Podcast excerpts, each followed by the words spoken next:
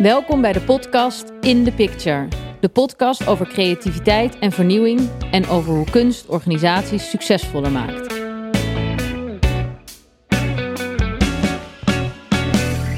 Ik ben Emily de Valk.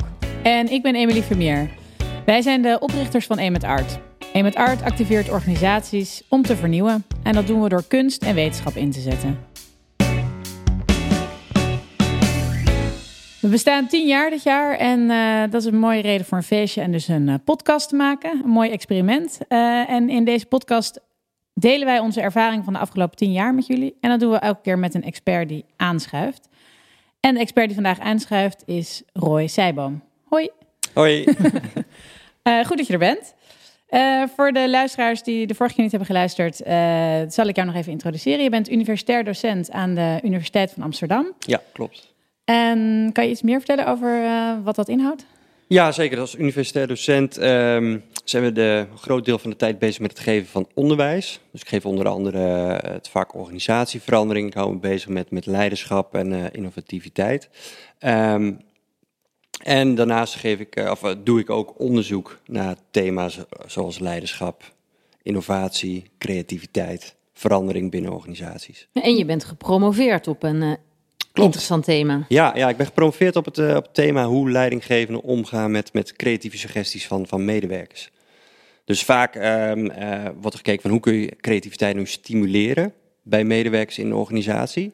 Nou, daar is al veel over bekend, maar we weten minder over. Van, van wat gebeurt er nou mee als medewerkers daadwerkelijk met die ideeën bij hun leidinggevende komen. Ja, hoogst interessant. En daar gaan we dus ook vandaag uh, op inzoomen met jou. Geef je zelf ook leiding? Nou, niet, niet formeel. Dus ik heb geen, geen leidinggevende positie, maar we begeleiden ook uh, PhD-studenten. Dus ja. dat is wel een vorm van leidinggeven, of sturing, ja. begeleiding. Ja. Maar ik zie mezelf niet als een leidinggevende. um,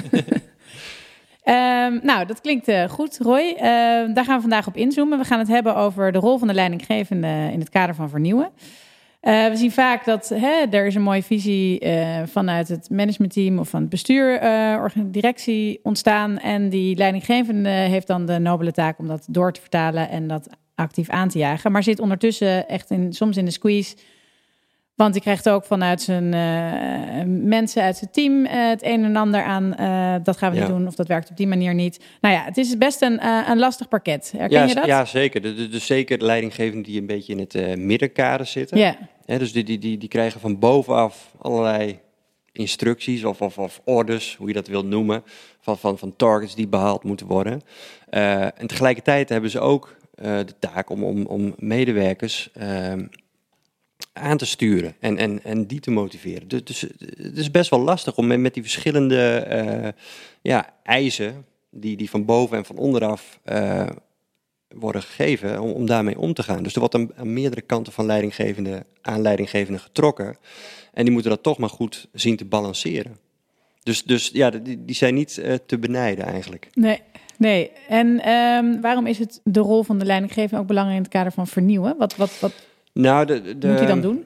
Ja, nou, nou leidinggevende, de, de, de, rol is belangrijk, omdat dat leidinggevende natuurlijk in organisaties in een positie verkeren dat ze, dat ze macht uh, relatieve macht hebben en natuurlijk ook middelen tot hun beschikking om creatieve suggesties van medewerkers daadwerkelijk tot uitvoer te brengen. Ja. En dus als een medewerker uh, een idee voor, voor verbetering heeft, dan kan die medewerker dat vaak niet alleen doen, want, want het heeft consequenties op hoe het werk wordt uitgevoerd. Dus daar zul je een soort van iemand moeten hebben die een positie heeft, die het ook daadwerkelijk tot uitvoer kan brengen. Nou ja, de direct leidinggevende van zo'n medewerker is daar bij uitstek de juiste persoon voor.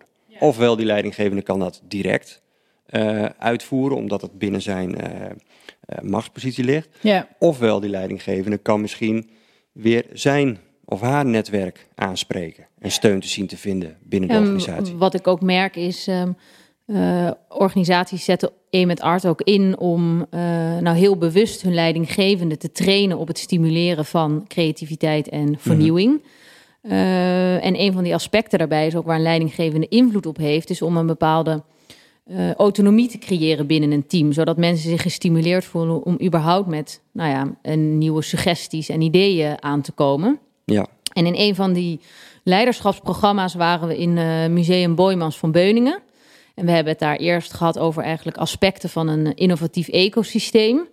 En ehm, daar hangt in dat museum uh, is een, was een verloren trap die eigenlijk niet meer gebruikt uh, werd.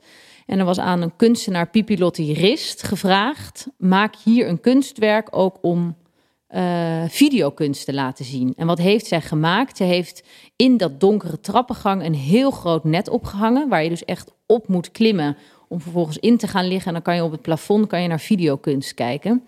Dus wij waren met die leidinggevende in dat net geklommen. Nou, je kan je al even voorstellen, dat zorgde al voor wat hilariteit. Ja, ja, ja, en we lagen met elkaar in dat net. En toen uh, ging het gesprek over van...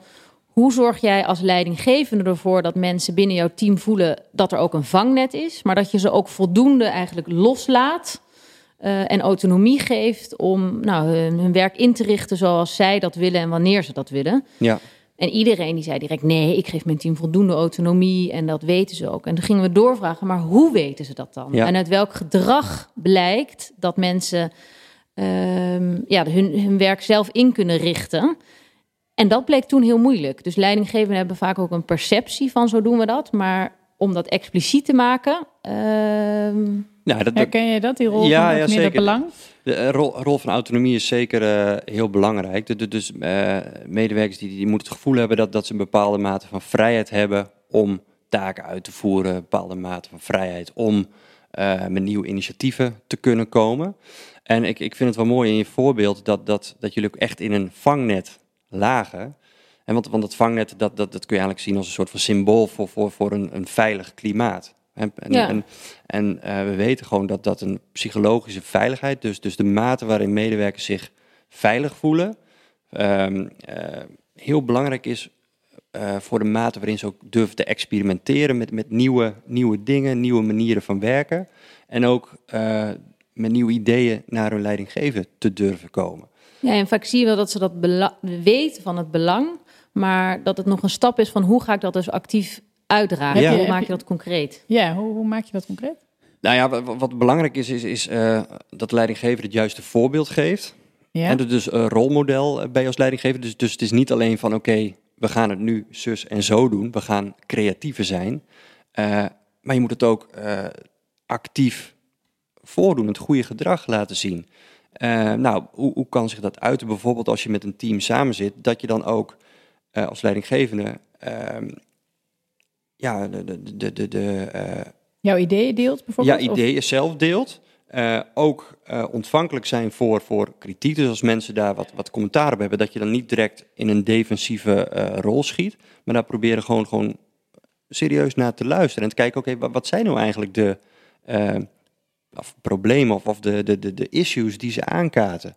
Waarom is dat een probleem? En waarom zie ik dat anders, zeg maar? Dus dat je daarover in gesprek gaat en dan kom je misschien dichter tot elkaar en, en begrijp je beter van, van wat, wat elkanders uh, gezichtspunten zijn of invalshoeken om naar een probleem te kijken. Ja, dus je hebt echt een actieve rol in het creëren van het veilige klimaat. Absoluut, absoluut. Ja. En, de, de, dus, en, en dat, dat is ook dat, dat mensen moeten dat zelf ervaren. Uh, het is het gevoel dat mensen hebben dat het veilig is om risico's te nemen. Het, het is het gevoel dat mensen het uh, ervaren dat het niet erg is als er een fout wordt gemaakt. Dat zijn allemaal hele belangrijke aspecten. En als ze dat ervaren, dan zullen ze ook meer initiatieven te durven nemen en met meer nieuwe ideeën durven te komen. Een andere vraag. Um, om creativiteit en vernieuwing aan te jagen als leidinggevende, moet je zelf ook dan creatief zijn?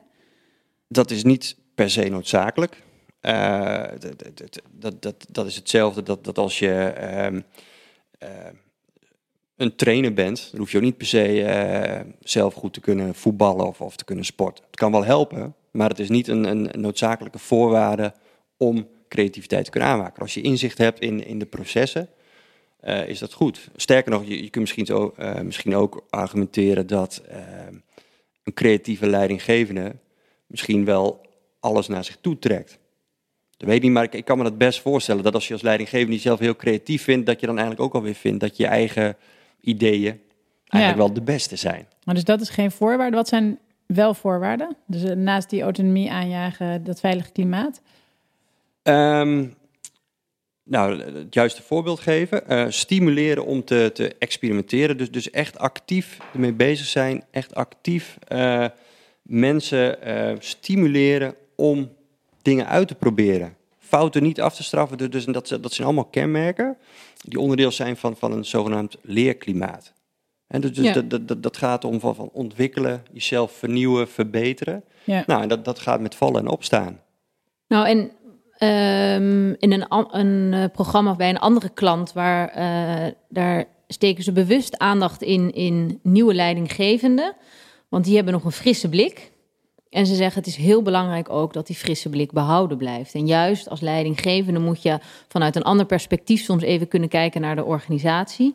En deze groep die geven we dus ook een aantal keer per jaar uh, een dag. Om ook weer met andere ogen naar de eigen organisatie te kijken. En vaak zijn ze al drie maanden binnen of zo. En uh, we lieten daar ook een voorbeeld zien van een Nederlandse fotograaf, Taco Anema. En die heeft een reeks gemaakt van uh, allerlei besturen in Nederland, vrijwilligersbesturen. Er is kennelijk geen land ter wereld waar zoveel uh, vrijwilligersbesturen zijn. En daar komt ook heel erg het, uh, nou, het polderen, het Nederlandse polderen in naar voren. en we lieten een van die foto's zien. En vroegen aan hen ook hoe is hier eigenlijk de overlegstructuur? En wordt er gepolderd en hoe wordt er gecommuniceerd en besluiten genomen?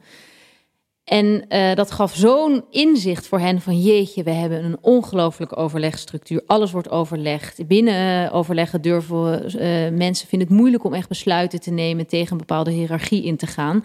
En dat was voor hen door die foto ook echt zo'n inzicht van, oh ja, zo doen wij dat hier ook. En als we willen vernieuwen, dan kunnen we daar wel wat krachtiger in zijn. En um, ja, dat ze daar dus ook een, een voorbeeldrol in hebben om dat gedrag ook uit te dragen. We zien hier een situatie waar veel wordt gepolderd. Hoe kom je als leidinggevende dan of als team tot een beslissing, Roy? Nou, wat ik in dit, dit voorbeeld, wat al goed gaat, is dat er dus heel veel ideeën worden gedeeld door, door medewerkers. Maar om uiteindelijk tot innovatie te komen, moet je ook actie ondernemen om iets met die ideeën te doen. Dus het, het proces eindigt niet met, met het uh, genereren en delen van, uh, van ideeën. Maar uiteindelijk moet er ook gewoon een knoop worden doorgehaakt en een beslissing worden genomen. Dus een leidinggevende heeft daar ook weer een belangrijke rol om, om daadkracht te tonen. Of in ieder geval een, een, een uh, wel of afgewogen beslissing te nemen om voor een bepaald idee te kiezen. Ja, ja, dat motiveert denk ik ook weer als er is gekozen.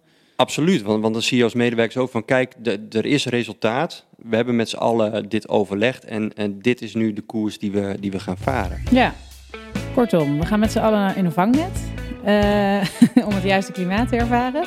Meer één op één gesprekken. Vooral ook heel goed uh, waardering uitspreken en uh, uitleg geven als wel, of het wel of niet haalbaar is.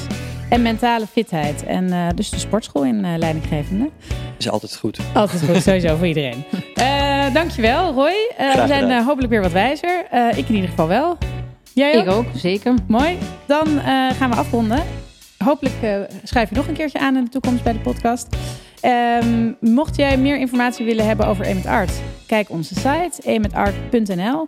En als je een idee hebt voor een uh, podcast waarvan je denkt, nou daar zit ik mee in mijn organisatie, mijn team, mail ons, dan uh, gaan we het bespreken. Tot de volgende keer.